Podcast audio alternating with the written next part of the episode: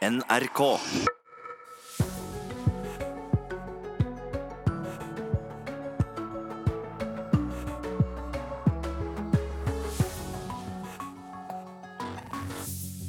Hvordan vet vi egentlig hva som er god julemusikk og ikke? Hva syns f.eks. du? Ikke jeg. Ikke du, men de som hører på nå. Det er altså sånn at de nye jule, den nye julesangen til Linni Meister og co. f.eks. ligger jo nå både på topp på eh, Spotify-listen i Norge og på VG-lista. Ja. Betyr det da at den er best, eller er det sånn at det er de etablerte juleartistene som har definisjonsmakten? Det er vel ikke sånn at den er best fordi den ligger på VG-lista? Men det er mange som liker den. da. Og da er den best for dem, kanskje. Eller hva det nå er som er grunnen til at de hører på den. Dette skal vi selvfølgelig få vesentlig bedre klarhet i, eh, Anne, enn det vi eh, gjorde nå. Um, vi kommer også tilbake til den saken eh, om ca. et kvarter. Og så skal vi snakke om havariet til fregatten eh, Helge Ingstad, Lynvingen, Camilla Herrem og, den, og, og denne saken som dere hørte på Dagsnytt, nemlig helsegevinstsaken. Det er spennende. Ja, og Nyhetsmorgen får du i dag ved Birger Kolsrud Jåsund og Anne Jetlund Hansen. Eh, La oss først spole tilbake til maktkampen i KrF. Husker du hvordan statsminister Erna Solberg midt mens KrF diskuterte om de skulle gå til venstre eller høyre i regjeringsspørsmålet, kastet abortspørsmålet inn i kampen eh, for å friste KrF-ere til å stemme mot Høyre? Ok, Det likte ikke Arbeiderpartiet. Og nå vil de vite hva som egentlig skjedde, og om embetsverket ble trukket inn i dette spørsmålet. Og i dag så må helseminister Bent Høie møte i Stortinget for å svare for seg.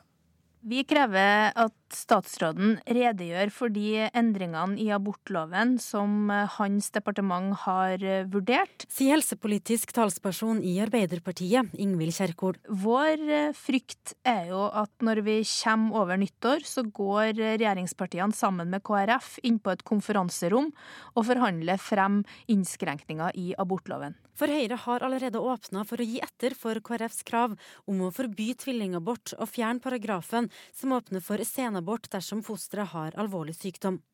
I et skriftlig svar til Stortinget har Høie også bekrefta at han har bedt fagfolkene i sitt eget departement se på eventuelle endringer i abortloven. Både statsministeren og helseministeren har insistert på at de bare kan uttale seg som høyrepolitikere i denne saken.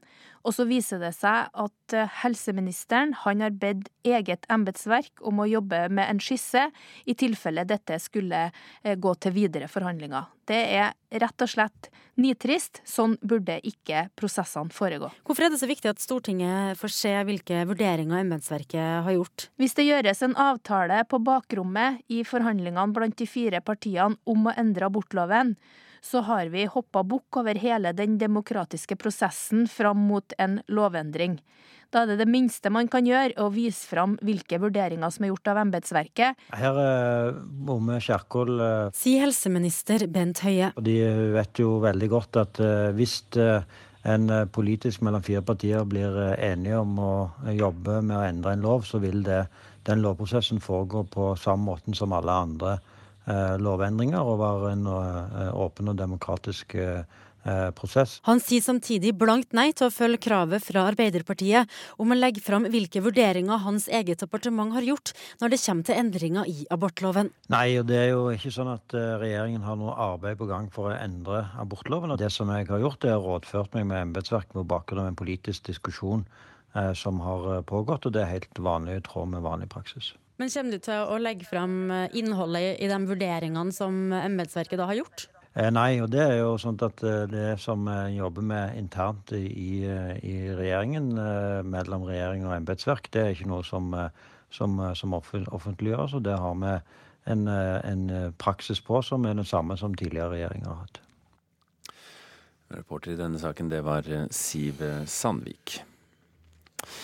Eh, Et av problemene som vi jobber med i radioen, er å få byråkratiske begreper og prosesser til å fremstå forståelig for folk. Eh, Det er av og til litt vanskeligere enn man skulle tro. Og en av dem som eh, får den utfordringen i dag, er programleder for Politisk kvarter, Sverre Tom Radøy. For det skal handle om objektsikring. Ja, Dette dreier seg om ganske alvorlige ting. Det dreier seg altså om den saken opposisjonen mener er regjeringen Solbergs største skandale. At den ikke har sikret viktige samfunnsinstitusjoner mot angrep, slik den skulle ha gjort. Det er altså sikring av eh, viktige samfunnsinstitusjoner mot terrorangrep. Som Stortinget, som regjeringspartiet. Ja, og som slidemål også, som er viktig nok. Ja.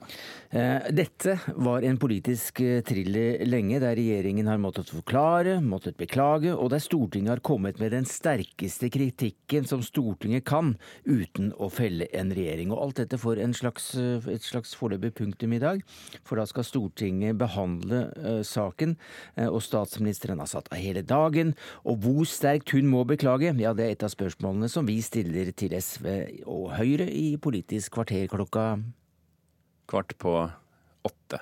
Nei, jo, kvart på åtte, som vanlig. 07.45. Jeg ble forvirret, for nå er klokken ti over halv sju, og snart kvart på sju. Sverre Tom Radøy, Politisk kvarter eh, i dag. Den første rapporten etter fregattkollisjonen er ufullstendig og underspiller ansvaret til Sjøforsvaret. Det mener Eivind Vågslid, tidligere underdirektør i Sjøfartsdirektoratet. Fregatten skulle senket farten. Om det skulle foretatt en unnamanøver i siste sekund, så skulle den vært mot styrbord. Det sier Eivind Vågslid, tidligere underdirektør i Sjøfartsdirektoratet og avdelingsleder i IMO i mange år.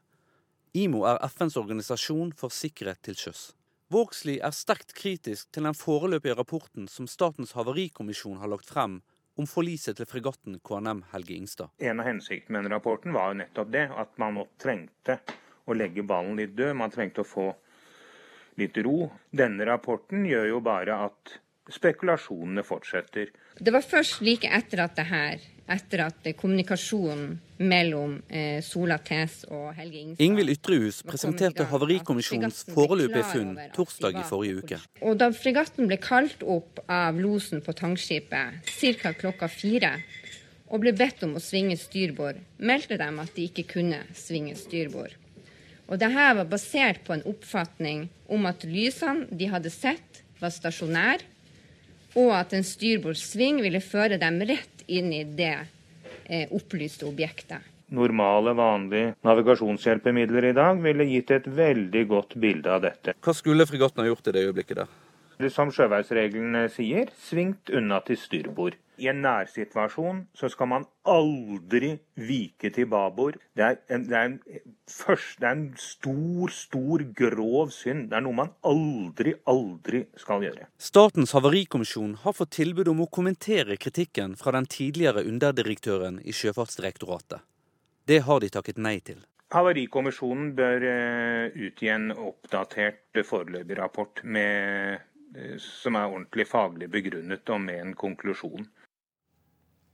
Sjøforsvaret sier til NRK at de har tillit til politiet og Havarikommisjonens arbeid, og har ellers ingen kommentar utover det. Reporter her, det var Christian eh, Lura.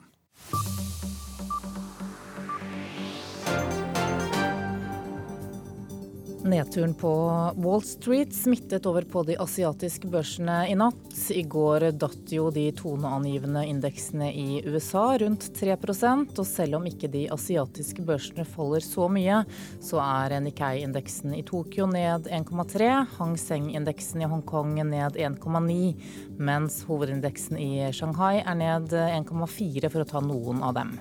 Nedturen er bl.a. drevet av bekymring for svekket amerikansk vekst og lavere forventninger til sysselsettingstallene i USA. Houthi-opprørernes utsendinger og FNs spesialutsending til Jemen, Martin Griffiths, er eh, ankommet Sverige før de planlagte fredssamtalene. Nå venter svenskene på den jemenittiske regjeringsdelegasjonen, skriver Sveriges utenriksminister Margot Wallström på Twitter nå.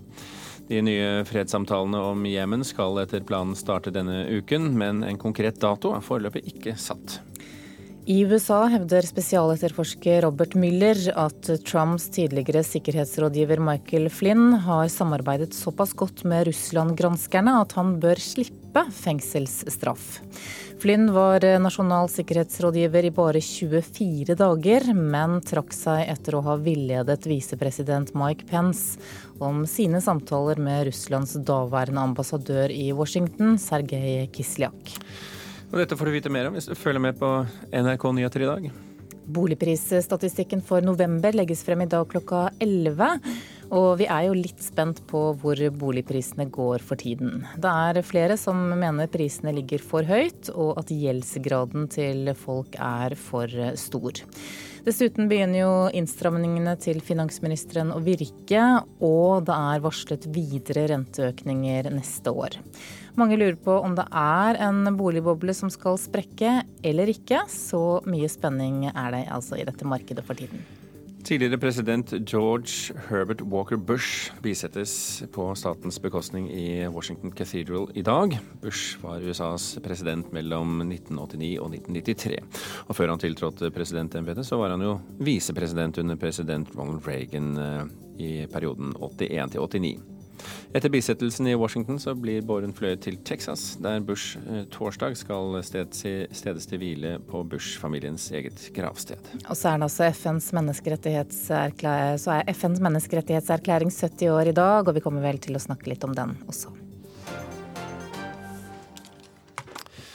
Så til eh, håndball-EM. For i kveld så gjør nemlig Camilla Herrem comeback på kvinnelandslaget. Herrem erstatter en skadet Thea Mørk i EM-kampen mot Romania. Det har vært en liten berg-og-dal-bane.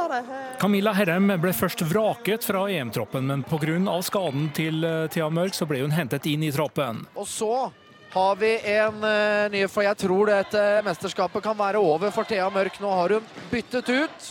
Selv mener hun formen er god nok. Man er alltid glad for å spille sånne kamper. Eh, det er man. Så, jeg, så, jeg gleder meg eh, utrolig mye. Man vil jo selvfølgelig være på den banen der. Det er bare litt trist måten det, det skjer på. Herrem har jo lang erfaring og vet hvor lista ligger. Hun har kjørt et tøft treningsopplegg etter fødselen i sommer. Nei, jeg, jeg, føler jo at jeg er ganske klar, men igjen så har jo ikke jeg spilt på dette nivået her eh, på et år. Så, eh, men sånn som jeg har følt meg, så føles det veldig bra ut. Kaptein Stine Bredal Oftedal sier Camilla Herrem blir svært nyttig for EM-laget. Herrem bidrar jo selvfølgelig med enormt mye energi og begeistring og litt sånn galskap, og det, det er alltid veldig godt. Toril sier han er litt usikker på om hun er liksom klar for det nivået her, selv om hun er i god fysisk form. Hva tror du?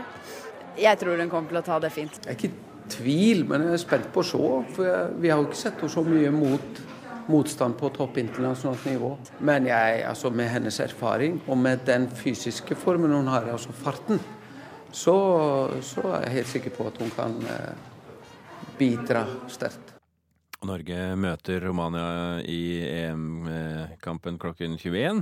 Og har du ikke anledning til å se kampen på TV, så kan du høre den på NRK Sport. Reportere her Hanne Skjellum Müller og Pål Thomassen.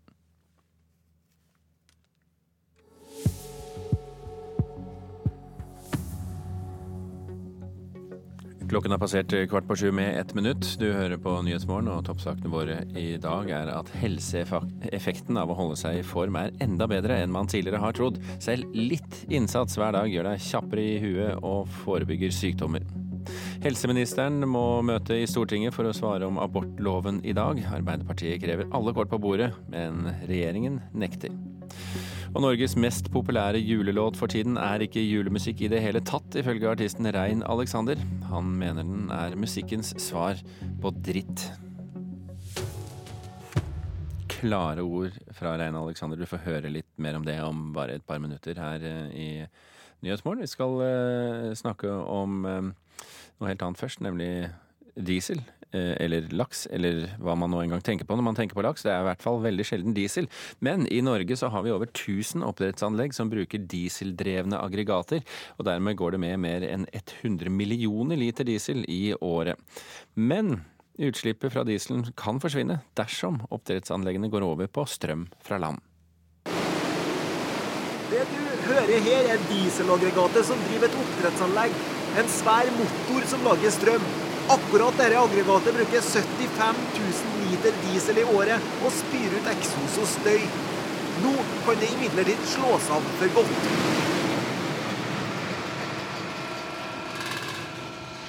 Det er nært opp til stillhet, det som kommer hos Midtnorsk havbruk i Ytre Namdal, som nå har elektrifisert tre av sine oppdrettsanlegg, og som har planer videre.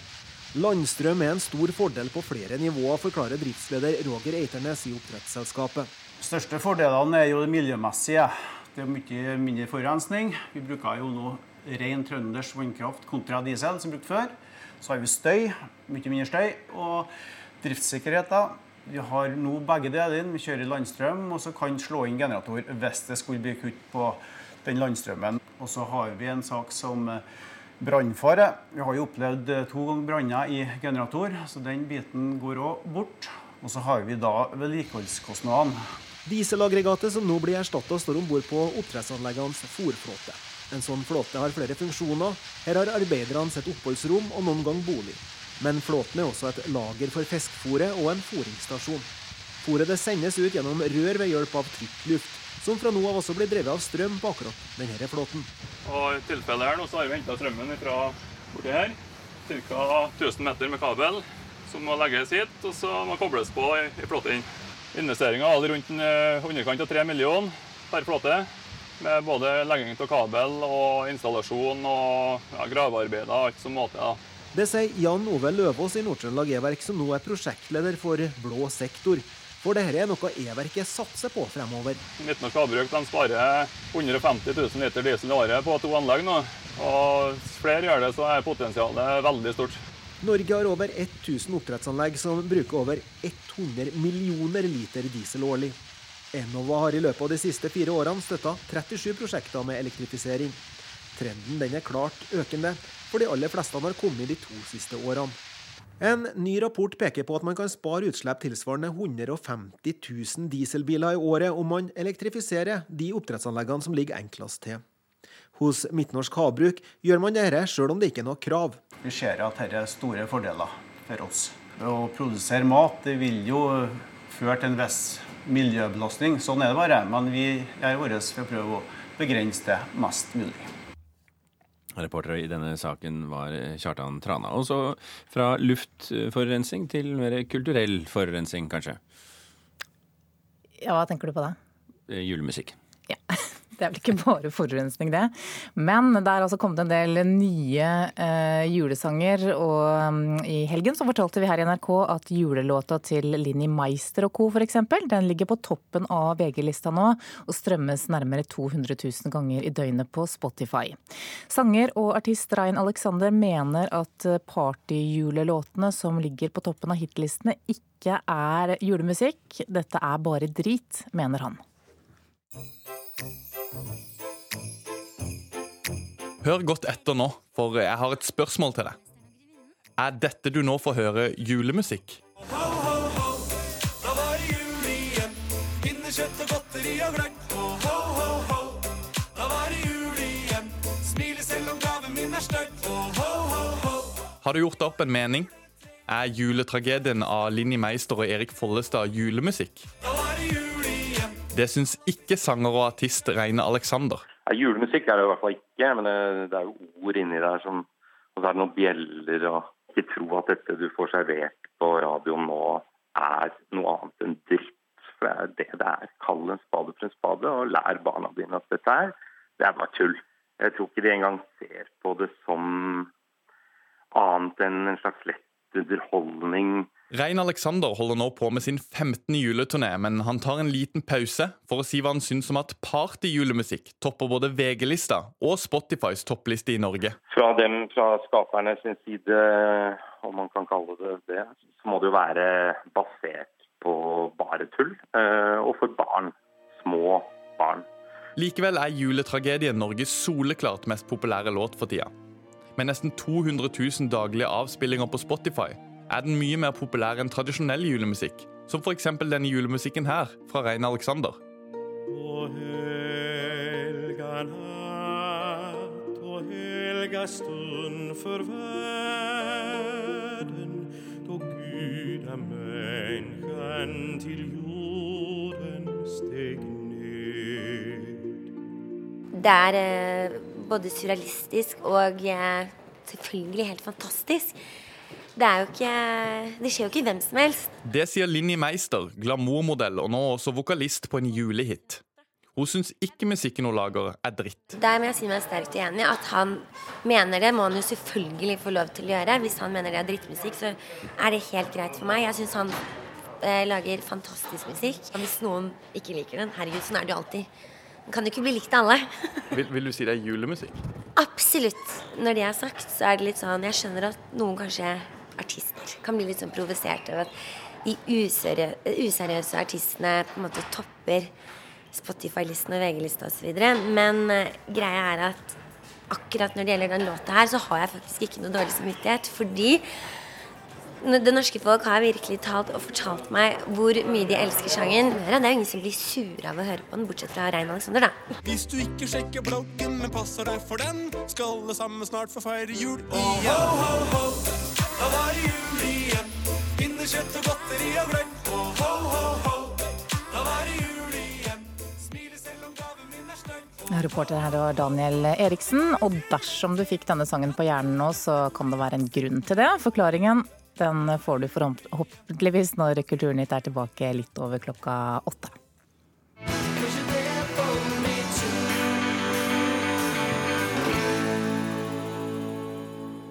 Dette er noe helt annet, nemlig musikken til vennegjengen Phoebe, Rachel, Monica, Ross, Chandler og Joey. Kjente navn for alle som var unge på 90-tallet. Og reporter Petter Sommer, det kommer også noen nyheter om Venner for livet, som denne serien heter på norsk. Ja, mange har jo kanskje fått med seg det at eh, Friends, da, som ungdommen kaller det i dag, eh, også har blitt en veldig populær serie blant eh, ja, folk helt nede i tolvårsalderen.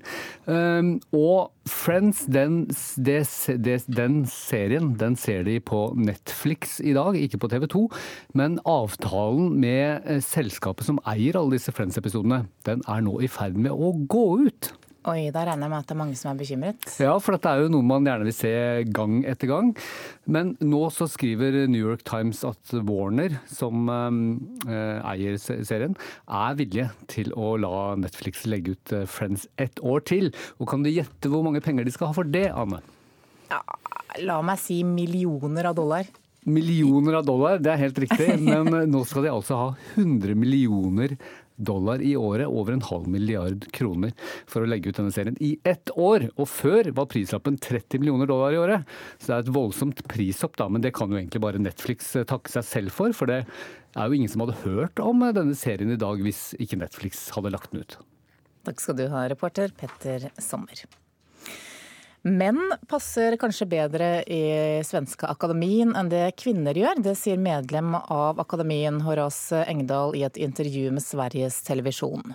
Og denne uttalelsen den kommer etter krisen i nettopp svenske akademien med rettssaken mot kulturprofilen Jean-Claude Arnault, som førte til at flere medlemmer av akademien trakk seg fra sine stillinger. Engdahl kritiserer svenske akademiens tidligere faste sekretær Sara Danius i intervjuet. Vi skal høre på litt av det? Ja, det... jeg vet ikke om det er så at menn passer bedre å sitte i denne typen av samlinger, eller at de tolererer bedre den type av påfrestninger som oppstår når, når maktkampen raser. For det her handler jo om makt. Det handler om maktstrider. Det sa altså Haras Engedal til SVT, kulturkommentator her i NRK, Agnes Moxnes. Du skal få slippe å kommentere akkurat denne påstanden om eh, hvorvidt kvinner passer godt eller ikke, men det som iallfall er klart, er at det har vært tydelige fronter her. Hvordan vil du karakterisere den maktkampen som Engdahl viser til? Den er jo eh, først og fremst eh, helt ødeleggende for det svenske akademien. Eh, det er jo et, et akademi som siden slutten av 1700-tallet har vært liksom omkranset, omsluttet av den, hele makten i det svenske samfunnet. Det har hvert år sittet i midten i et, rundt et bord mens kongefamilien har vært der, dommerne har vært der, politikerne har vært der, kirken har vært der. Altså, de har vært sentrum av den, av svenske makt, eh, eh, den svenske makten. Og, og, i løpet av det året som er gått nå, så, så må man vel si at, eh, at det er en makt som, som er i full forvitring. Så er det også bare én kvinne igjen i akademien. De var sju før denne krisen startet. Hva er det som har skjedd underveis her? Altså, det er jo både ironisk og, og komisk. Altså, man skulle ordne opp i meet, et metoo-varsel i, i, i 2017 så, og 2018, som har liksom vært metoo-bevegelsens store år. Eh, også, og da de startet, så var det jo for første gang en kvinnelig leder, altså den såkalte Stendiga-sekretæreren, Sara Danius, som satt der, eh, sammen med flere andre kvinner. Nå er det bare én. Vil si, nå er det faktisk to igjen, fordi at i, i høst, i oktober, eh, så ble det valgt inn to nye medlemmer i Svenske Akademien. Så nå er de faktisk tolv, men de skal jo være 18. Må si litt om hva slags um, eh, altså Horace Engdahl han har jo, eller skal i hvert fall ha vært venn med Jean-Claude Arnault, som er dømt for overgrep, og skal også ha forsvart ham i tidligere intervjuer. Hva slags posisjon har Engdahl selv i akademien? Horace Engdahl har hatt en veldig eh, betydelig posisjon i akademien. Han har på en måte tatt innover, han har på en måte tatt på seg ansvaret for å bringe denne tradisjonelle institusjonen videre i den formen den har hatt i alle disse hundre årene som har gått. Og han sier jo også altså Man blir jo valgt på livstid til denne posisjonen. Det, bare det er jo en forholdsvis liksom alderdommelig sak. At man liksom takker kongen for at man får en livstid livstids, eh, livstidsjobb. Eh, og, og, det forsvarer eh, Horace Engdahl, og han forsvarer egentlig alt som har, har skjedd. Og han kaller jo liksom anklagene mot Jean-Claude Arnault, som nå to ganger er blitt dømt for både i, i tingrett og lagmannsrett, er dømt for voldtekt. Og han kaller det byskvaller, og, og har ingen tillit til det, det som, de som har dømt uh, hans venn Jean-Claude der nå. Takk skal du ha, kulturkommentator Agnes Moxnes. Helseministeren må møte i Stortinget for å svare om abortloven i dag. Rapporten om fregattulykken er ufullstendig, mener tidligere sjøfartsdirektør. Her er NRK Dagsnytt, klokka er sju. I dag må helseminister Bent Høie møte i Stortinget for å svare på hvordan han vurderer kvinners rettigheter ved en endring i abortloven. Arbeiderpartiets Ingvild Kjerkol reagerer sterkt på at Høyre har lagt abortloven i potten før regjeringsforhandlingene med KrF. Hvis det gjøres en avtale på bakrommet i forhandlingene blant de fire partiene om å endre abortloven, så har vi hoppa bukk over hele den demokratiske prosessen fram mot en lovendring. Da er det det minste man kan gjøre, å vise fram hvilke vurderinger som er gjort av embetsverket. Men det har helseminister Bent Høie ingen planer om å gjøre. Nei, og det er jo ikke sånn at eh, regjeringen har noe arbeid på gang for å endre abortloven. Og det har jo òg eh, Kjerkol fått veldig eh, klart svar på tidligere. Reporter Siv Sandvik. Den første rapporten etter fregattkollisjonen er ufullstendig og legger for lite ansvar på Sjøforsvaret. Det mener Eivind Vågsli, tidligere underdirektør i Sjøfartsdirektoratet. Fregatten skulle senket farten og ikke svingt babord, noe Havarikommisjonen burde slått fast allerede nå, mener han. I en nærsituasjon så skal man aldri vike til babord. Det er en, det er en, først, det er en stor, stor, grov synd. Det er noe man aldri, aldri skal gjøre. Havarikommisjonen ønsker ikke å kommentere kritikken. Sjøforsvaret sier til NRK at de har tillit til politiet og Havarikommisjonens arbeid, og har ellers ingen kommentarer til denne saken. Det er eh, sendt ut tsunamivarsel for flere stillehavsøyer etter et kraftig jordskjelv. Jordskjelvet som målte 7,6 rammet et område nær Ny-Caledonia, melder amerikanske seismologer. Flere øyer kan vente seg en tsunami på mellom én og tre meter. Og Tsunamivarselet gjelder Ny-Caledonia, Vanuatu og Fiji. Det er foreløpig ikke meldt om skader etter skjelvet. En delegasjon fra regjeringen i Jemen er nå på vei til Sverige for å delta i fredssamtaler. Det melder eh, nyhetsbyrået AFP. Motparten, den eh, jemenittiske Houthi-militsen, er allerede i Sverige. Det bekrefter eh, den svenske utenriksministeren. Og fredsforhandlingene skal foregå på Johannesberg slott, som ligger nord for Stockholm. Den flere år lange borgerkrigen i Jemen har blant annet ført til en av verdens verste sultkatastrofer. NRK Dagsnytt Anders Borgen Werring.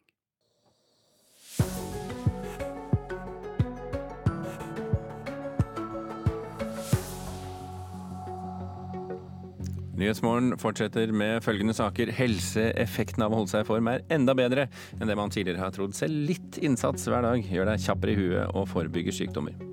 Det kraftige fallet på Wall Street i går sprer seg til Asia i morgentimene i dag. Det er ikke like kraftig i Asia som det var i USA i går, men vi skal prøve å tegne og forklare hva det er som skjer akkurat nå for tiden.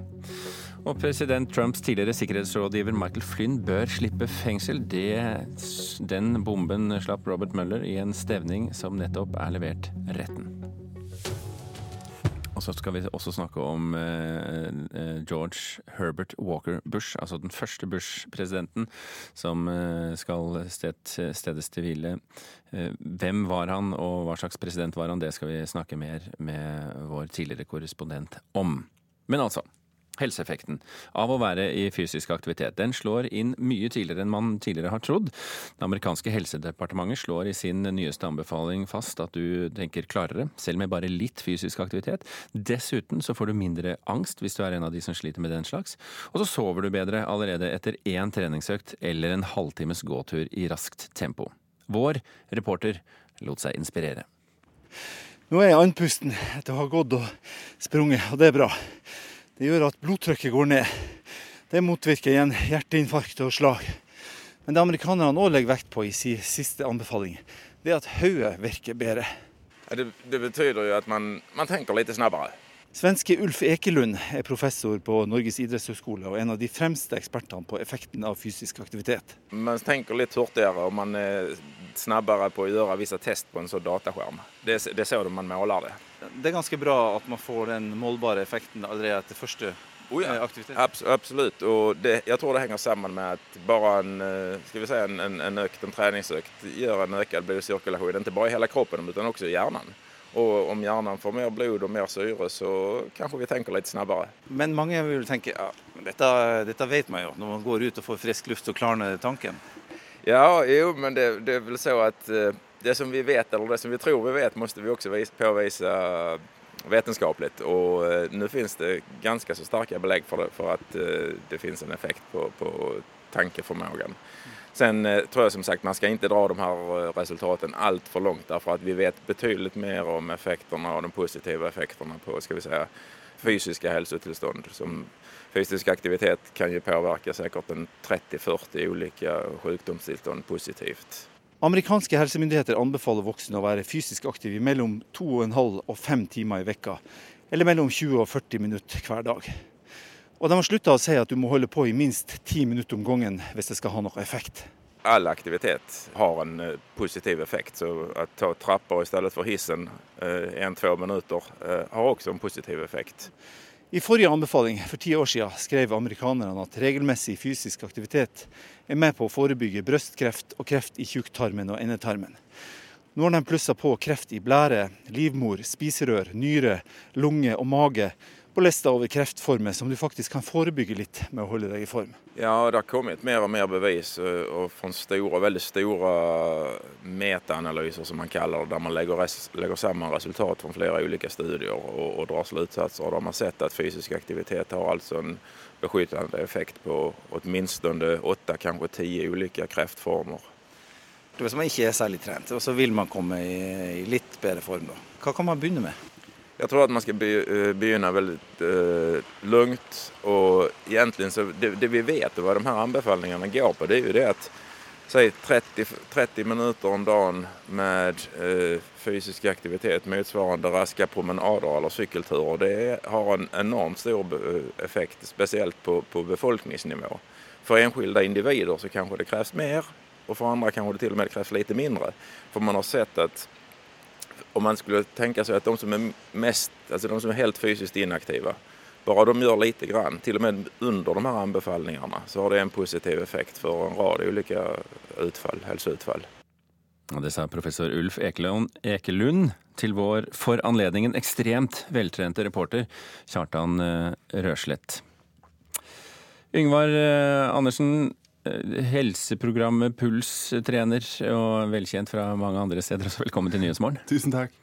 Eh, hva kan vi gjøre under dette intervjuet for å komme i litt bedre form de tre minuttene det tar? Ja, Det er masse tid. Eh, hvis en er her i studio nå eh, og hjemme på kjøkkenet, så kan en jo f.eks. begynne å ta noen knebøy. Knebøy? Eh, Ett minutt med knebøy nå, det setter rett og slett eh, fart på resten av dagen. Det har en verdi her og nå, og det kan kanskje òg føre til at en lettere da gjør som Ulf Eklund sier i reportasjen, tar trappa i stedet for heisen, noe som er forferdelig vanskelig for de fleste, selv om alle vet det. Du løp tre kilometer hit i dag til Marienlyst. Står og strekker nå. Jeg lar meg inspirere. Står Ja. også og strekker.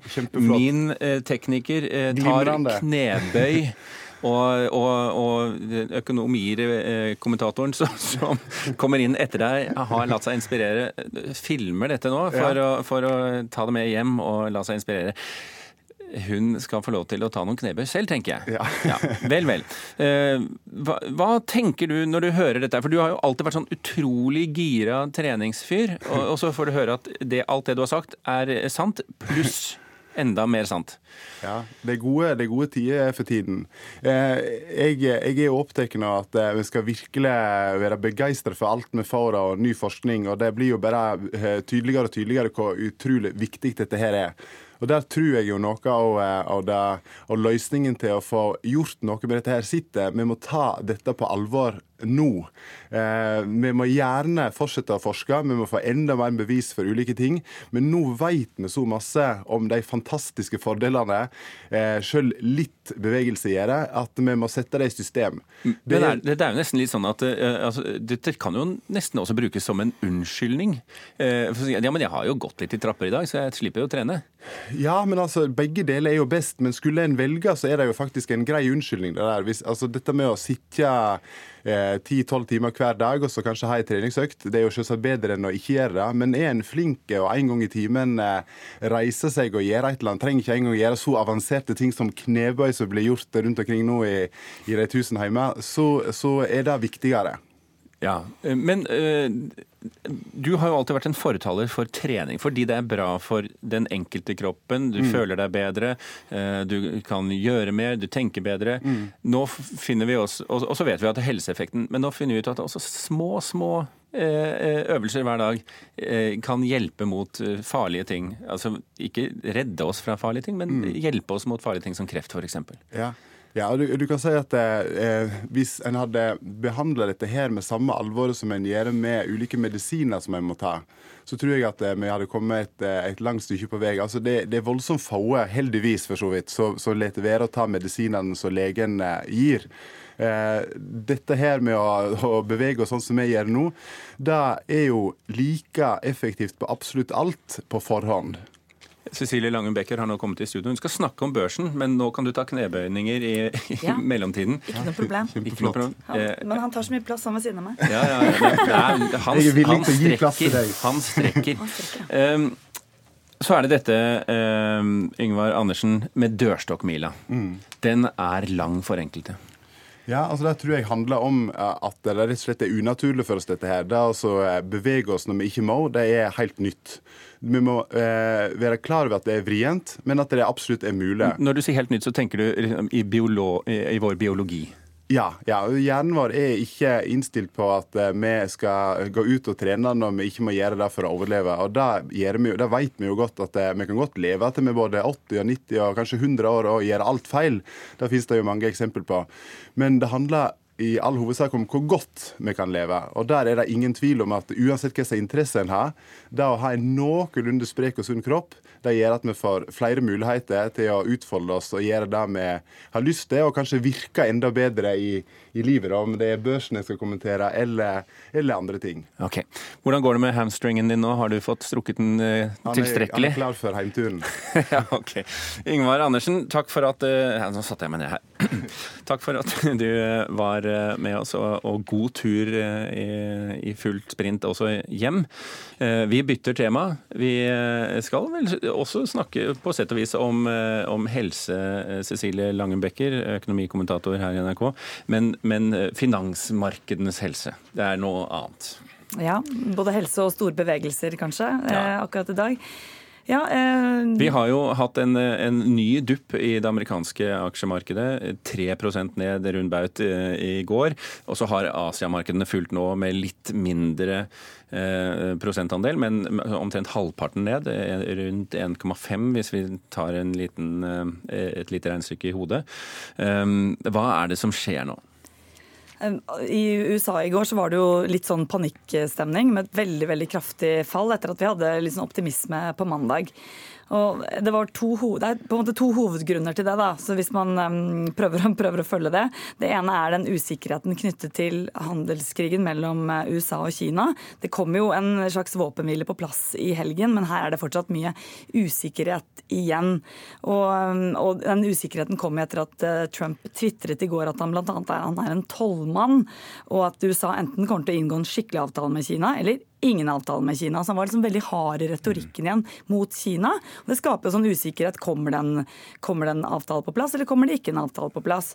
Og så er den andre grunnen, og den er bitte litt mer komplisert, jeg skal prøve å gjøre det enkelt, men det knyttes til den såkalte rentekurven. Ja. Eh, og dette er egentlig kjempeinteressant, og nå, et litt sånn nytt fenomen i, i markedene akkurat nå. Eh, eh, rentekurven det, det er den viser liksom, hvordan rentemarkedet tror renten vil ligge frem i tid, altså om ett år, to år, fem år, ti år. Og går det bra i økonomien, så peker denne oppover. I Norge peker denne oppover. Men i USA så har det nå skjedd en endring i denne rentekurven, der hvor den er eh, lavere fem år frem i tid enn tre år frem i tid. Og det betyr at investorene har mer tro på økonomien nå enn i fremtiden. Og dette fenomenet, og grunnen til at vi syns dette er så innmari interessant, og grunnen til at det får børsen til å falle nå, det er at dette fenomenet har vist seg før alle resesjonene i USA siden 1975. Og en resesjon er jo en periode der økonomien krymper to kvartaler på rad. Så slik det ser ut nå, ifølge denne rentekurven, så, så kan det komme en resesjon i USA allerede om 12-18 måneder. Og her har vi et gøyalt ord, ikke sant? Ja, rentekurven mener du? Nei, jeg tenkte på det ordet som man bruker når man forklarer dette fenomenet, at, det, det er, at eh, langtidsoptimismen krysser korttidsoptimismen. Ja, At rentekurven inverterer? Er det Inverterer, det du mener? ja. ja. ja jeg, jeg unnlot med vilje å ikke bruke det ordet, for jeg tenkte at det kanskje ble litt eh, komplisert. Men, men det er akkurat den eh, gjør. Så det er, det er, og det er, eh, det er et slags forvarsel Mm. på resesjon. Og så er det jo litt sånn, Man er jo litt uenig om det er, er et forvarsel denne gangen, men det har i hvert fall historisk vært et forvarsel på at nå kommer det eh, Vi kan jo aldri helt vite. For plutselig er det noe annet som skjer, og så snur det igjen. Ja, det, men, det, var det som var litt sånn spennende i går, at nå kom det inn en sånn ny forklaringsfaktor i markedene. Ikke bare denne handelskrigen vi har hørt om hele høsten. Så nå ble det på en måte litt sånn dobbelt av både handelskrig og denne rentekurven. Ikke spesielt gode nyheter nødvendigvis. Nei, ikke det hele tatt. Så da blir det også veldig spennende å se hvordan utviklingen blir eh, på resten av børsene i dag, når eh, Oslo Børs åpner nå klokken ni, når eh, de europeiske børsene åpner. Også, så, um, så, så det er ikke noe tvil om at denne uroen kommer til å, å, å, å, spre seg også litt i, dag her i vår tidssone. Takk skal du ha, Cecilie Langen Bekke.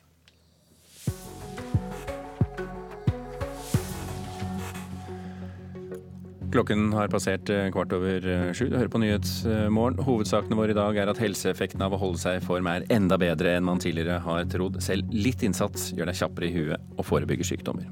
Helseministeren må møte i Stortinget for å svare om abortloven i dag. Arbeiderpartiet krever alle kort på bordet, men eh, regjeringen kommer ikke til å legge alle kort på bordet. Og Norges eh, mest populære julelåt for tiden er ikke julemusikk i det hele tatt, ifølge artist Rein Alexander. Han mener den er musikkens svar på dritt. Til eh, USA nå. President Trumps tidligere sikkerhetsrådgiver Michael Flynn bør slippe fengsel. Det skriver spesialetterforsker eh, Robert Mueller i en stevning som nettopp er levert retten. Flynn sa seg i fjor skyldig i å ha løyet til FBI om sin kontakt med Russland i ukene før Trump ble innsatt som president. USA-korrespondent Veronica Westrin følger denne saken for oss. Nei, dette er jo da noe som har kommet fram som følge av rettspapirer. Og det vi vet er nå at eh, Michael Flynn har eh, bistått i denne etterforskningen. Har vært inne i, til 19 avhør, så dette er et omfattende samarbeid. Og eh, han har bidratt i flere etterforskninger, kommer det fram av disse papirene. Men det vi ikke vet noe mer om, er jo helt konkret hva han har bidratt med av informasjon. Og grunnen til at vi ikke får vite det, er nettopp fordi denne etterforskningen fortsatt, fortsatt pågår. Og denne stemningen som da ble innlevert retten tirsdag, den viser jo altså at han har bidratt i en stor grad til denne etterforskningen. Så dette er ny informasjon om en av Trumps aller tidligere, aller nærmeste medarbeidere, og hans bidrag til denne såkalte Russlandsetterforskningen. Kan ikke du minne oss på, Veronica, hvem Michael Flynn er, og hvorfor han er interessant for dette dette etterforskningsteamet? Ja, Han er jo da den tidligere nasjonale sikkerhetsrådgiveren til Donald Trump. Han eh, sa seg i fjor skyldig av løyet til FBI om hans kontakt eh, med Russland. og Det var derfor han ikke satt eh, så veldig lenge da, som, som nasjonal sikkerhetsrådgiver. Og denne uken er venta å være en veldig spennende uke i den Russland-etterforskningen. Nå får vi stadig mer og mer informasjon. Til fredag er det også venta at vi får mer informasjon knytta til den tidligere valgkampsjefen Paul Manafort, og også Trumps personlige advokat Michael Cohen. Det er også da på fredag at det er venta at det kommer mer informasjon om hva disse har bidratt med. Hva sier Donald Trump? Han har jo, hatt, han har jo eh, gitt tommel opp for Paul Manafort, som ikke har, har snudd, som han kaller det, i, under etterforskningen. Han har snakket veldig negativt om Michael Cohen, som har samarbeidet med Robert Mueller. Hva, hva er det ventet at han sier om Michael Flynn? Ja, så langt så har Trump ikke ikke tvitra. Nå er det natta her i USA. Så, så langt så har han altså ikke kommentert denne nye vendinga som, som denne etterforskninga har tatt i dag. Men media her er fulle av informasjon om dette, så det er ingen tvil om at Trump har fått dette med seg. Veronica Westrin, vår USA-korrespondent.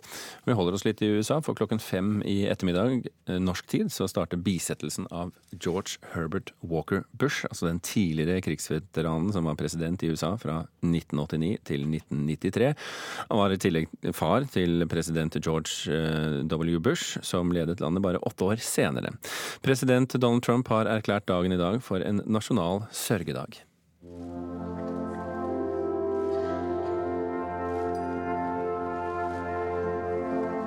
USAs 41. president George H.W. Bush bisettes på statens bekostning i Washington Cathedral onsdag ettermiddag norsk tid. Båren blir deretter torsdag fraktet til Texas, der Bush-familiens gravsted befinner seg. Her vil han ligge side om side med sin kone Barbara Bush, som døde i april, og et av deres seks barn, datteren Robin, som døde av leukemi, bare tre år gammel. I, George Herbert Walker Bush, do solemnly swear George H.W. Bush var USAs president i fire år, fra 1989 til 1993. Under hans presidentskap tok den kalde krigen slutt, Sovjetunionen kollapset og Berlinmuren falt. Svein Melby, forsker ved Institutt for forsvarsstudier, mener Bush fortjente Nobels fredspris for dette. Ja, jeg mener at uh, George Bush hadde fortjent fredsprisen for sitt bidrag til en fredelig avvikling av den kalde krigen. Og en fredelig avvikling av Sovjetimperiet og en gjenforening av Tyskland. Uten at det ble avfyrt et eneste skudd. Bush etterlater seg fem barn, blant dem USAs 43. president, George W. Bush. Sønnen var til stede da senior, som lenge var ved god helse, feiret 90-årsdagen med fallskjermhopp. Nice.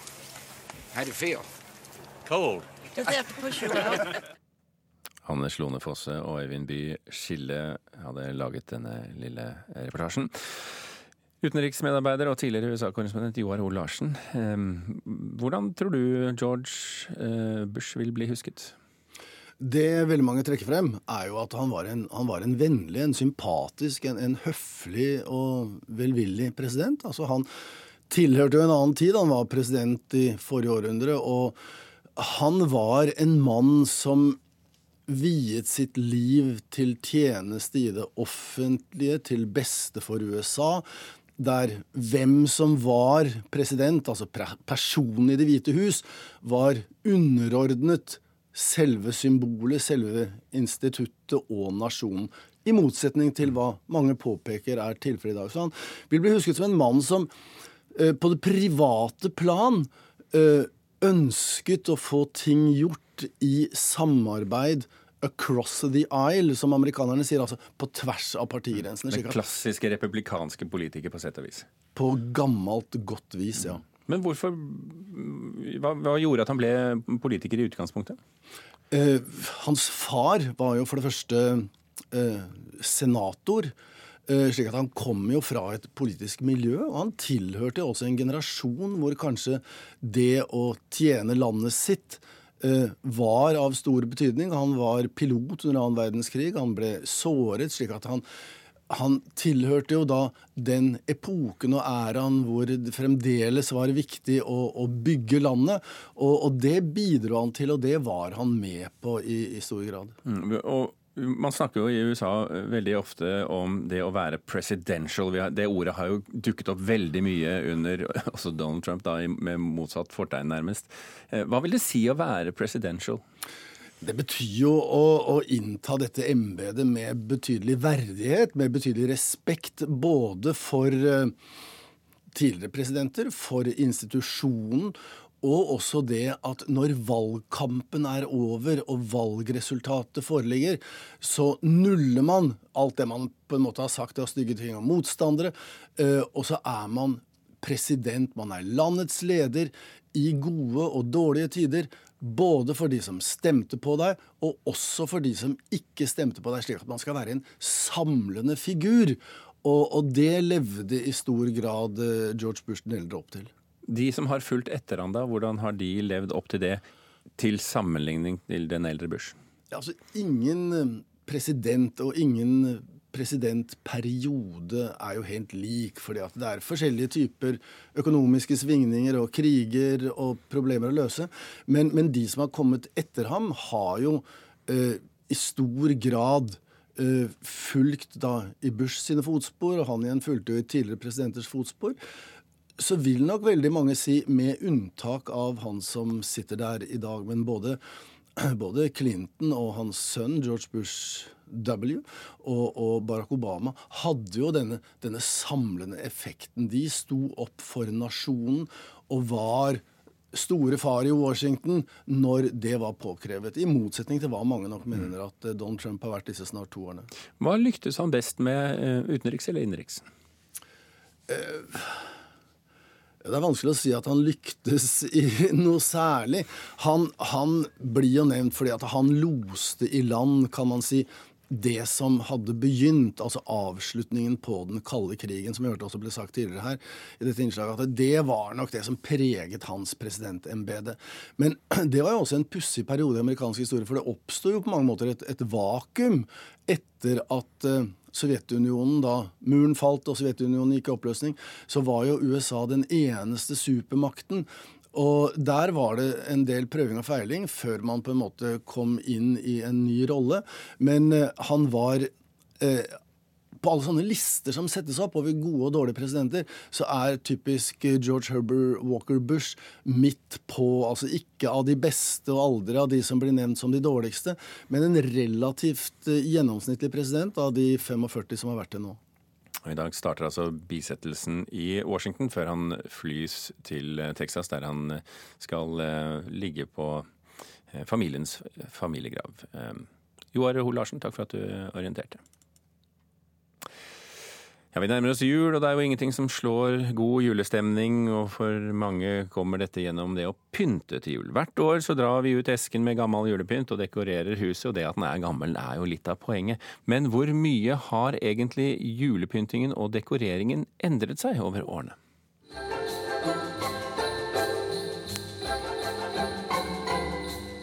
Før så pynta vi lille julaften, og nå begynner vi vel nesten i november. Det er for mye. Hjemme hos meg er det også for mye, men sånn er det blitt. Nei, Der jeg er fra, så tar vi jekkene før. Da tar vi den nesten i påska. Ja. Jeg har pynten oppe til 13-dagen. Nei, 20-dagen. Tar den nok ned før, ja. Helst før nyttår. Tidligere inn med jula og tidligere ut. Interiørekspert Tone Kroken mener at vi begynner mye før med pyntingen enn vi har gjort tidligere. Det er eh, Jula varer mye lenger. Jeg føler, opplever jeg da, at den begynner før, og så slutter vi tidligere. Så de fleste pynter i midten av desember. Eh, så det er mye hyggeligere nå hvor man har treet inne mye lenger. Er det noe juletrend i år når det kommer til pynting? Det skal være en varm jul i år. Det er gull, og det er kamelfarge, brune toner. Og gjerne blande gull og, og brunt, liksom. Det er kjempefint sammen. Til tross for at det hvert år oppstår nye trender, også blant julepynt, trenger en ikke å bruke masse penger på ny pynt hvert år, mener Kroken. Nei, jeg tenker at man kan velge liksom noe nytt, noen få ting. Eh, eller bare bruke, se hva man har. Altså fargene, Det kommer jo ofte igjen de samme fargene. Noe som jeg syns er veldig fint, det er bare å ha et fat, og så legger jeg masse forskjellige kuler på og har masse kubbelys. For meg så er det sånn at jeg bruker jo det jeg har, jeg kjøper ikke nytt hvert år, altså. Ja, jeg kjøper supplerer hvis det trengs, men det går ikke på mote og farger, det går på behov. Jeg pynter bare med det jeg har, og det syns jeg er fint. Ja. Jeg bare tar, tar det jeg har. Tenker ikke så mye over det, egentlig. Jeg har så mye pynt at jeg har gitt bort til hele slekta. Så du lar deg ikke påvirke av ulike trender? Nei, det gjør jeg ikke. Jeg har som jeg har hatt i alle 50 åra jeg har vært gift.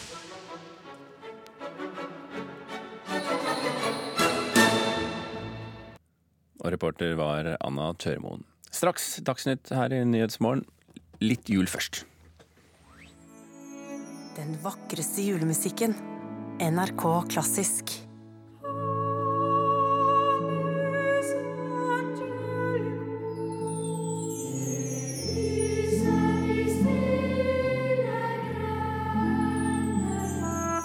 NRK Klassisk. Den vakreste julemusikken på radio i hele desember.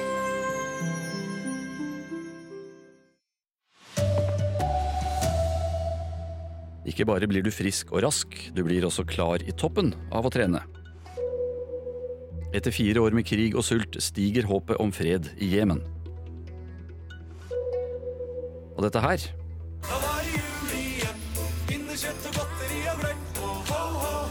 Det er ikke julemusikk, mener en musiker.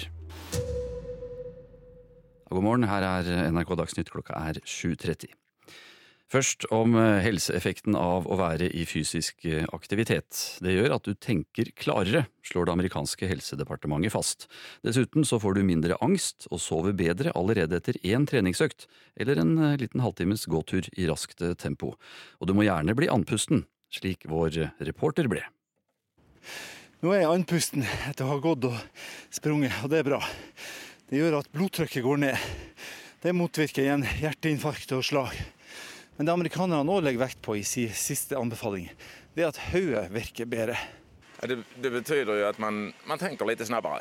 Svenske Ulf Ekelund er professor på Norges idrettshøgskole og en av de fremste ekspertene på effekten av fysisk aktivitet. Jeg tror det henger sammen med at bare en, skal vi si, en, en, en økt, en treningsøkt gjør en økt blodsirkulasjon, ikke bare i hele kroppen, men også i hjernen. Og om hjernen får mer blod og mer syre, så kanskje vi tenker litt snabbere. Amerikanske helsemyndigheter anbefaler voksne å være fysisk aktive i mellom 2,5 og 5 timer i vekka, eller mellom 20 og 40 minutter hver dag. Og de har slutta å si at du må holde på i minst 10 minutter om gangen hvis det skal ha noe effekt. All aktivitet har en positiv effekt. Så å ta trapper i stedet for hissen én-to minutter har også en positiv effekt. I forrige anbefaling for ti år siden skrev amerikanerne at regelmessig fysisk aktivitet er med på å forebygge brystkreft og kreft i tjukktarmen og endetarmen. Nå har de plussa på kreft i blære, livmor, spiserør, nyre, lunge og mage på lista over kreftformer som du faktisk kan forebygge litt med å holde deg i form. Fysisk aktivitet har altså en beskyttende effekt på minst åtte, kanskje ti ulike kreftformer. Sa professor Ulf Ekelund til reporter eh, Kjartan Røslett. Og forfatter og kjendistrener Yngvar Andersen sier livskvaliteten øker med en aktiv livsstil. Jeg er opptatt av at eh, vi skal virkelig være begeistra for alt vi får av ny forskning. og Det blir jo bare eh, tydeligere og tydeligere hvor utrolig viktig dette her er. Vi kan godt leve til vi både 80 og 90 og kanskje 100 år og gjøre alt feil. Det finnes det jo mange eksempler på. Men det handler i all hovedsak om hvor godt vi kan leve. Og Der er det ingen tvil om at uansett hva slags interesse en har, det å ha en noenlunde sprek og sunn kropp, det gjør at vi får flere muligheter til å utfolde oss og gjøre det vi har lyst til.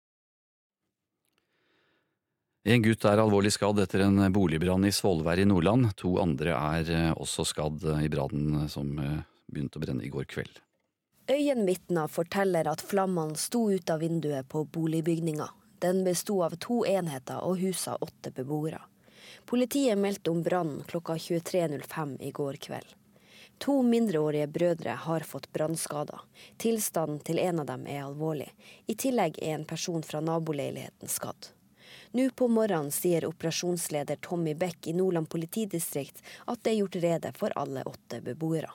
Vi har uh, utover natta uh, jobba med slukningsarbeid på, på stedet. Brannen er nå slukka. Eh, de tre skadde som ble ivaretatt av helse etter brann, de er først frakta til legevakt. Én er frakta videre til Bodø eh, alvorlig skadd, og to eh, er fortsatt på eh, Gravdal sykehus. Ifølge Beck har slukningsarbeidet gått bra. Nei, vi har gjennom natta starta innledende etterforskning, eh, og det vil vi også fortsette eh, ut, eh, utover dagen. Og så vil jo åstedet bli undersøkt så snart det lar seg gjøre. Reporter Kristine Svendsen. I dag må Bent Høie møte i Stortinget for å svare på hvordan han vurderer kvinners rettigheter ved en endring i abortloven. Der vil han også få spørsmål om hvordan embetsverket ble trukket inn i kampen om KrFs gunst. Både statsministeren og helseministeren har insistert på at de bare kan uttale seg som høyrepolitikere i denne saken. Og så viser det seg at eh, helseministeren han har bedt eget embetsverk om å jobbe med en skisse, i tilfelle dette skulle eh, gå til videre forhandlinger. Sier helsepolitisk talsperson i Arbeiderpartiet, Ingvild Kjerkol. Det er rett og slett nitrist. Sånn burde ikke prosessene foregå. Hvorfor er det så viktig at Stortinget får se hvilke vurderinger embetsverket har gjort? Hvis det gjøres en avtale på bakrommet i forhandlingene blant de fire partiene om å endre abortloven, så har vi hoppa bukk over hele den demokratiske prosessen fram mot en lovendring. Da er det det minste man kan gjøre, å vise fram hvilke vurderinger som er gjort av embetsverket. Her eh, må vi Kjerkol eh, Sier helseminister Bent Høie. Fordi hun vet jo veldig godt at hvis hvis en politisk mellom fire partier blir enige om å jobbe med å endre en lov, så vil det, den lovprosessen foregå på samme måten som alle andre lovendringer, og være en åpen og demokratisk prosess. Han sier samtidig blankt nei til å følge kravet fra Arbeiderpartiet om å legge fram hvilke vurderinger hans eget departement har gjort når det kommer til endringer i abortloven. Nei, og det er jo ikke sånn at regjeringen har noe arbeid på gang for å endre abortloven. og Det som jeg har gjort, er rådført meg med embetsverket på bakgrunn av en politisk diskusjon som har pågått, og det er helt vanlig i tråd med vanlig praksis. Reporter her, Siv Sandvik. Etter fire år med krig og sult i Jemen stiger håpet om en fredelig løsning på borgerkrigen der. En delegasjon fra opprørssiden har ankommet Stockholm for fredssamtaler. Senere i dag kommer representantene fra regjeringen. Midt i kaoset på flyplassen i hovedstaden Sanaa i Jemen ankommer en dresskledd delegasjon. Før de går om bord i et chartret fly til Stockholm, gir de uttrykk for optimisme. Det viktigste er å bygge tillit, det sier Galeb Mutlak. Han er medlem i opprørsgruppen Houthiene, som kontrollerer hovedstaden. Noen timer senere lander delegasjonen på en regntung, mørk og vindfull flyplass langt mot nord, Arlanda. Verdenssamfunnet håper at samtalen i Sverige vil lede til en fredsavtale mellom regjeringen i eksil, som er støttet av en koalisjon ledet av Saudi-Arabia, og houthiene, som er støttet av Iran. I fire år har Jemen vært herjet av en borgerkrig. Ifølge FN har krigen utløst det FN kaller verdens verste humanitære katastrofe.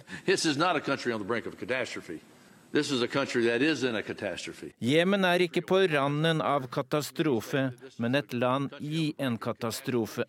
Det sier David Baisley, sjefen for Verdens matvareprogram, før samtalen i Sverige tar til.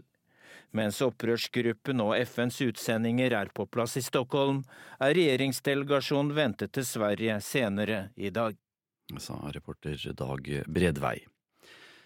Så skifter vi tema, for eh, sanger og artist Rein Alexander mener parti Party-julelåtene som ligger på toppen av hitlistene, ikke er eh, julemusikk. Denne helgen så meldte nrk.no at julelåta til Linni Meister ligger på toppen av VG-lista og strømmes nærmere 200 000 ganger i døgnet på Spotify. Men denne musikken er bare dritt, mener Rein Alexander. Hør godt etter nå, for jeg har et spørsmål til deg. Er dette du nå får høre, julemusikk? Ho, ho, ho, da var det jul igjen. Pinnekjøtt og godteri og gløgg. Ho, ho, ho, da var det jul igjen. Smiler selv om gaven min er stygg. Ho, ho, ho, ho. Har du gjort opp en mening? Er juletragedien av Linni Meister og Erik Follestad julemusikk? Da var det jul. Det syns ikke sanger og artist Reine Alexander. Ja, julemusikk er det i hvert fall ikke, men det er jo ord inni der som Og så er det noen bjeller og ikke tro at dette du får servert på radioen nå er noe annet enn dritt. For det er det det er. Kall en spade for en spade, og lær barna dine at dette er det er bare tull. Hvis han mener det er drittmusikk, så er det helt greit for meg. Jeg syns han eh, lager fantastisk musikk. Det sier Linni Meister, glamourmodell og nå også vokalist på en julehit. Når det er sagt, så er det litt sånn Jeg skjønner at noen kanskje artister kan bli litt sånn provosert over at de useriøse artistene på en måte topper Spotify-listen og VG-lista osv. Men uh, greia er at akkurat når det gjelder den låta her, så har jeg faktisk ikke noe dårlig samvittighet. Fordi det norske folk har virkelig talt og fortalt meg hvor mye de elsker sangen. Det er jo ingen som blir sure av å høre på den, bortsett fra Rein Alexander, da. Hvis du ikke sjekker bloggen, men passer deg for den, skal alle sammen snart få feire jul igjen. Oh, oh, oh, Reporter her, det var Daniel Eriksen. Og enten du liker den ene eller andre julelåta, så blir det julemusikk. Eh, masse av det framover på NRKs eh, radiokanaler. NRK Klassisk, eksempel, som er hvit julemusikk hele desember. Marianne Løkkevik har ansvaret for NRK Dagsnytt i dag. Jeg heter Anders Borgen Werring.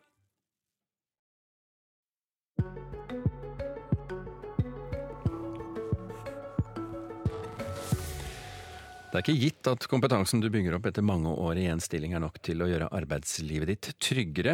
Vi har jo hatt denne revolusjonen innen høyere utdanning, og der normalen før var en bachelorgrad, er det nå blitt helt vanlig med en mastergrad før man entrer arbeidslivet. Og da er det ikke til å overraskes over at stadig flere eldre arbeidstakere tar mastergrad for å holde tritt med de yngre fremadstormene. Det blir jo nok ikke enklere å få seg jobb i framtida. Så ved at man eh, har litt mer kjøtt på beinet, så stiller man jo mer på samme nivå da, som de som kommer, kommer etter. Jeg tror kravene bare blir høyere og høyere i samfunnet vårt. Det sier Camilla Elise Holt Utheim. Hun jobber som finansrådgiver i DNB på syvende året. Hun har valgt å ta en executive master på BI, for hun tror en master på CV-en kan være med på å sikre henne en plass i fremtidens jobbmarked. Det er jo skrekkelig mye flinke folk i DNB og i alle bransjer. Så, så jeg konkurrerer jo med mye folk som er kjempeflinke. Og da er det jo kanskje det som kan være tunga på vektskåla, da. Hvis man eh, har eh, ekstra utdanning og kan på en måte ha litt ekstra å slå i bordet med. Og det er ikke bare Camilla som velger å ta en mastergrad, ifølge stabs- og kommunikasjonssjef Per Eirik Lund ved Universitetet i Sørøst-Norge. Han mener det har skjedd en utdanningsrevolusjon i Norge de siste årene. Ja, absolutt. Det har det gjort. Det er en del endringer i den sektoren her som har vært voldsomme. Tidligere så var høyere utdanning et elitefenomen forbeholdt de få, og nå har høyere utdanning blitt et massefenomen der hvor studentene i ganske stor grad kan bevege seg rundt som kunder. Mastergradsstudenter med en alder over 35 år har hatt en økning på over 60% de siste seks årene ved Universitetet i Sørøst-Norge og Lund kan skjønne hvorfor Camilla og andre med flere års arbeidserfaring tar en mastergrad.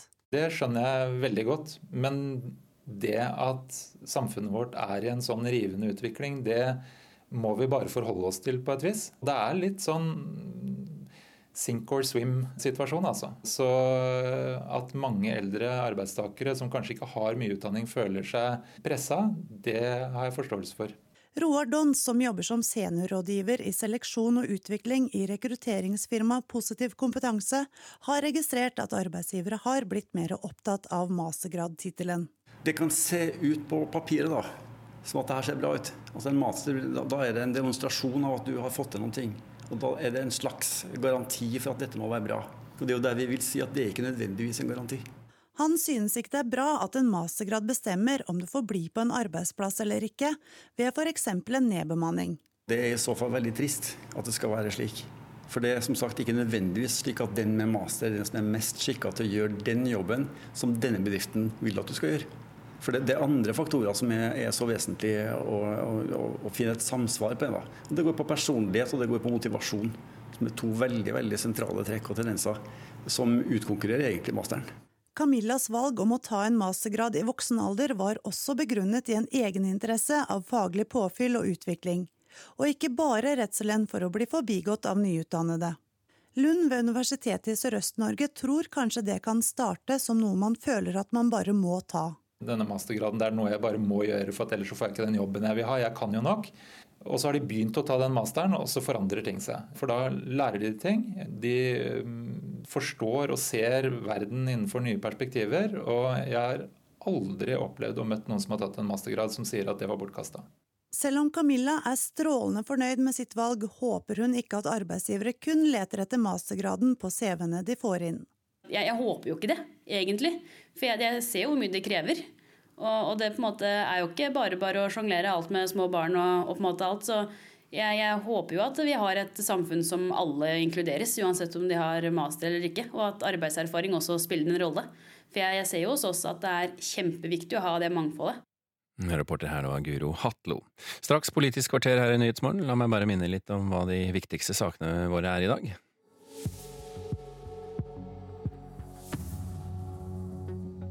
Helseeffekten av å holde seg i form er enda bedre enn man tidligere har trodd. Selv litt innsats gjør deg kjappere i huet og forebygger sykdommer.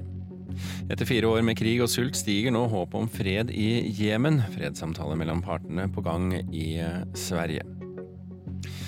I Politisk kvarter i dag skal det handle om det mange hevder er Solberg-regjeringens største skandale. Sverre Tam Radøy sitter klar med sine gjester i studio.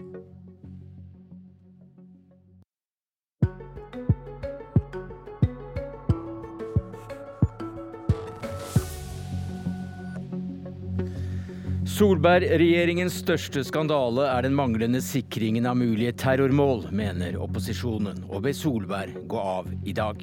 Og det er problemer innad i Venstre. Ja, I dag så behandler altså Stortinget saken om såkalt objektsikring, eller egentlig den manglende sikring av viktige samfunnsinstitusjoner mot angrep, som både Riksrevisjonen og Stortinget har kritisert på det sterkeste. Hva er mest alvorlig i denne saken, slik opposisjonen ser det? Torgeir Knag Fylkesnes, du er SV-representant i kontrollkomiteen. Det mest alvorlige her er jo at regjeringa ikke har gjort jobben som de skulle vært ferdig med i i utgangen av 2014, altså sikre kritiske funksjoner som politiet og Forsvaret sine egne funksjoner, mat og vann og strømforsyning, altså avgjørende eh, funksjoner i vårt samfunn dersom vi skulle eh, oppleve terror eller uønska hendelser. Og da har de rett og slett ikke prioritert det. Eh, det har vi fått dokumentert ettertrykkelig. Og så har de også forsøkt å feilinformere Stortinget, og holdt både storting og det norske folk i den oppfatning at de har gjort en jobb, og så har de allikevel ikke gjort det. Og Dermed har det her utvikla seg til å bli en ganske stor skandale. Og Riksrevisjonen sin rapport bruker ord som svært alvorlig eh, på fire hovedkonklusjoner, som er kanskje den hardeste kritikken Riksrevisjonen kan overhodet gi. Eh, og det er kanskje den, den, tøffeste dommen som Riksrevisjonen noen gang har gjort mm. eh, for en sittende regjering. Men hva slags konsekvenser kunne dette i verste fall få?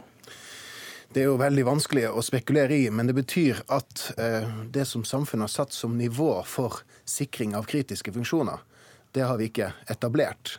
Så det betyr at hvis det skulle skjedd uønska hendelser, så ville det ikke vært en skikkelig plan for det. Det ville ikke vært ordentlige rutiner for det. Eh, så man kan egentlig si at vi har hatt flaks. Eh, ved at det ikke har skjedd uønska hendelser. Fordi vi har vært rett og slett for dårlig forberedt, for dårlig sikra. Eh, fordi at eh, regjeringa ikke har gjort jobben. Regjeringen har ikke gjort jobben, og den har ikke prioritert objektsikring. Svein Harberg, hva sier du til det, du som er med i Stortingets kontrollkomité for Høyre? Nei, Det er jo eh, enkelt å slå fast at en samlet komité har eh, sterk kritikk til oppfølgingen av objektsikringsinstruksen. Eh, nei, ikke instruksen, men forskriften eh, i arbeidet til regjeringen. Det er vi enige om. Dette har tatt for lang tid. Og Stortinget har ikke blitt involvert på god nok måte i det arbeidet, slik at vi kunne være med og følge det opp. Det slår vi fast. Så må jeg få lov å si at det er jo ikke slik at en ikke er sikret, eller ikke har planer, slik som jeg får inntrykk av når Fylkesnes har ordet. Det er jo, har vært hele tiden, planer og sikring av disse objektene og planer for hvordan en skal reagere. Men disse oppdateres, og det er en ny sikkerhetslov, og de oppdateres i forhold til et nytt trusselbilde. Så det er i bevegelse hele tiden. Og det er den oppgraderingen som ikke er gjort fullt ut. Altså, vi har jo uh, omfattende arbeid uh, på hva som skal til for å sikre våre kritiske funksjoner. Og så har da Riksrevisjonen sett på spesielt politi og Forsvaret uh, sine oppgaver i dette arbeidet her. Og der er vi faktisk på planleggingsstadiet på flere områder. Ja. Ta Forsvaret. Mens det skulle jo vært ferdig. De skulle ikke bare vært planlagt, det skulle vært vurdert tiltak, og det skulle vært gjennomført tiltak. Man er allerede, altså man er fortsatt på første fase på både politi og forsvar på veldig viktige områder. Og Da har vi situasjoner som at eh, viktige funksjoner, det kan være kontroll med våpen osv., så, videre, så er det ikke ordentlige rutiner knytta til eh, kommunikasjon inn og ut. Eller det kan være helt avgjørende eh, funksjoner vi har dersom store hendelser skulle skje, der man ikke har ordentlige planer for sikringsstyrker, om man har nok sikringsstyrker, hvor de skal lokaliseres osv. Så videre. sånn at man kan egentlig ikke si med utgangspunkt i dette her, at vi er på en eller annen måte sikra. Det, er bare det, det er bare noe man kan påstå. Men ifølge rapporten så har man ikke belegg for det. Nei, jeg skjønner at Fylkesnes holder på sitt spor, men som sagt, vi er sikret. Der er planer. Mye er gjennomført. Vi må huske på at i, i, fra 1.1.2011 inntrådte denne forskriften. Og det skulle gjøres i løpet av tre år. Det skulle ikke ha noen betydelige konsekvenser økonomisk eller ressursmessig. Det var forutsetningen den regjeringen la til grunn, som også SV var med i. Det står helt konkret Det i ristes på papirene. hodet her, er det ikke- ja, det står helt konkret det i papirene. Nei, altså hvis man, altså Det vi snakker om her, er den såkalte objektsikkerhetsforskriften. Hvis man ser på forarbeidet til det, som da var et norsk offentlig utredning for 2006, så står det helt eksplisitt at dette vil kunne koste mer penger. Dessuten så har jo også både Forsvaret og politiet underveis her hele tida fòrer regjeringa med eh, informasjon der de sier at hei, vi trenger mer penger hvis vi skal klare å komme i mål. Og det har de allerede sagt fra den dag denne regjeringa har tiltrådte. Så det er et fikenblad av, en argumentasjon å si at dette skulle ikke koste penger. Og så kom det som en slags stor overraskelse når Riksrevisjonen kom med sin første rapport i 2016 at Det eh, hvert fall- jøss, dette her skulle ikke vært i mål. Det er i hvert fall slik at den forrige regjeringen skriver forslagene sett under ett ikke bør innebære vesentlig økte kostnader. Og den forrige regjeringen gikk av altså to måneder før denne fristen gikk ut, på tre år. Og det var ikke gjort noe av dette da heller. Er det sitt- sitt i glasshus, det har vært fulgt opp i ettertid av den sittende regjeringen. Det er ingen tvil om alt som har skjedd på objektsikring i ettertid. er- har jo skjedd under den sittende regjeringen. Altså Det er egentlig bare å se på den flommen av informasjon som vi har fått eh, til kontrollkomiteen, og det er også den rapporten som Riksrevisjonen har. Her har denne regjeringa her blitt løpende eh, holdt informert om at her koster det penger, og så har man helt eksplisitt valgt å ikke prioritere det. Vi har jo eh, I Riksrevisjonens rapport så sier jo til og med Justisdepartementet at dette skal ikke prioriteres eh, for det andre hensynet i budsjettet som er viktigere. Sånn at man har aktivt nedprioritert det. Men det i, i deler av denne perioden satt jo SV i regjering. Ja, fra 2011 til altså, ja. 2013 så satt Ja, jeg så det er vel glasshus, og det singler godt her nå? Nei, altså jeg vil si at i den fasen der, og det ble også redegjort veldig nøye for av Grete Faremo i eh, de høringene som vi har hatt, så var jo det den store, store hendelsen her er jo 22. juli i 2011. Og etter det så skjedde jo et enormt arbeid med å planlegge. Eh, Det er jo det arbeidet som på på et eller annet tidspunkt stoppa opp, eller ble valgt å ikke bli prioritert. Men eh, så til den andre delen av kritikken, nemlig den, den, politiske håndteringen av dette her, og hvordan regjeringen har eh, håndtert dette i forhold til Stortinget ved å, ved å ikke informere godt nok, slik dere ser det. Hva sier du til det? Ja, Det er jo det som det er jo et det er forhold mellom storting og regjering som er, har gjort denne saken her ytterligere eh, vanskeligere for, for, både storting og regjering. Og det at man har faktisk ikke fortalt sannheten i saka. Eh, I 2016 så sa man at man faktisk var i mål med sikringa av objekter på hele justisfeltet. Og så tok det da eh, lang tid før det viste seg at den informasjonen der var faktisk helt feil. Man var ikke i mål med eh, å sikre objektene der. Helt feil informasjon, ikke sagt sannheten. Ja, men det er nok eh, riktig at det på et tidspunkt oppsto en misforståelse. Men dette ble jo rettet opp. Ja, det var en misforståelse i kommunikasjonen. Eh, denne såkalt grønt lys-tilbakemeldingen. Men det er jo blitt rettet opp i ettertid. Og det er altså slik at det har vært gitt informasjon til Stortinget i proposisjoner, i budsjettproposisjoner. Men det er jo nettopp dette statsministeren sjøl har sagt. Mm. Vi beklager at vi ikke har gitt en tids, både tids, tidsnok og på riktig måte et helhetlig bilde og til Stortinget. Og vi kan høre hva hun sa i kontrollkomiteen selv. Riksrevisjonens rapport fra 2016 viste at vi ikke var kommet langt nok i arbeidet med objektsikring. I forrige høring var mine regjeringsmedlemmer og jeg tydelige på at det var en alvorlig situasjon. Vi understreket alle at for mye fortsatt gjensto før vi ville være i mål. Jeg ser at dette er noe min regjering burde kommunisert tidligere og tydeligere og mer samlet til Stortinget. Og Det tar jeg på vegne av regjeringen selvkritikk for. Vi burde altså gitt en bedre samlet opplysning om dette. Holder ikke dette, Fylkesnes? Altså Hvis man hører på det hun sier, så sier hun, tar hun selvkritikk på at ikke man har gitt en mer samla Eh, informasjon til, til Stortinget. Så hva, så hva, forlanger du at hun skal si i dag? Hun skal bruke hele dagen sin i Stortinget i dag, der dere skal gjennomgå øh, denne ja. innstillingen fra kontrollkomiteen i objektsikringssaken? Altså, I en redelig verden så hadde vi hatt en statsminister som hadde kommet til Stortinget og sagt beklager at vi ikke har kommet i mål med jobben. Beklager at ikke vi hadde rapportert skikkelig eh, om at vi ikke har klart å komme i mål med jobben. Og beklager at vi rett og slett ikke har prioritert dette. her. For kommer, alle de tre tingene si har vi fått dokumentert. Nei, De to første tingene har hun jo sagt. Mm. Beklager at vi ikke har kommet i mål. Beklager at vi ikke har informert på en god nok måte. Og den siste? Og det siste er Ja, nå datt jeg litt ut Prioritering. Ja, prioriteringer. Ja, når mm. du har brukt 19 milliarder i de tøffe rundene mm. landet nå har vært igjennom på beredskap og objektsikring og sikkerhet, så, så har du prioritert. Det er det vel ingen tvil om. Svein Harberg, takk for at du kom til, eh, til studio i dag. Også til deg, Torgeir Knag Fylkesnes. Dere kommer med et mistillitsforslag på vegne av opposisjonen, men KrF er vel ikke helt med på det. Vi skal få en Lars Nehru Sand, politisk kommentator i eh, NRK. Vær så god, sitt. God morgen. God morgen. Eh, hva slags sak er det dette er blitt for regjeringen? Dette er jo blitt en, en, alvorlig sak fordi kritikken er blitt gjentatt over tid. Riksrevisjonen sier man ikke ser eh, nok bedring i det eh, regjeringen gjør, og også det høyst spesielle at eh, regjeringen selv innrømmer, som vi nettopp har hørt Erna Solberg gjøre i, i sin redegjørelse i, i, kontrollkomiteen, at dette har ikke regjeringen fulgt opp tilstrekkelig. Og det hun sier i så klare ordelag i, i høringssalen tidligere i dette sakskomplekset, er er, eh, er sjelden kost fra en mm. statsminister i møte med sitt parlament. Men eh, så hører vi at eh, det forlanges enda sterkere virkemidler eller unnskyldninger før SV i hvert fall blir fornøyd. Ja, og nå, Kristelig Folkeparti og, og, Grøvan sa noe av det samme da de begrunnet hvorfor de ikke stilte mistillit, men, men, eh, men gjorde sin kritikk eh, sterkere eh, tidligere ja, i forrige uke.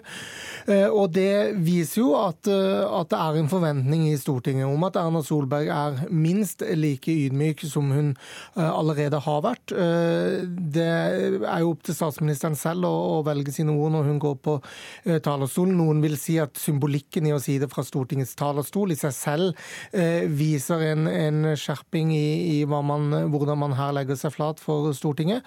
Eh, mens andre vil, som, som Fylkesnes, si at det, det må en, et annet budskap eh, til for å understreke alvoret. og Det vil nok avgjøre om det blir votert over dette mistillitsforslaget eller ikke.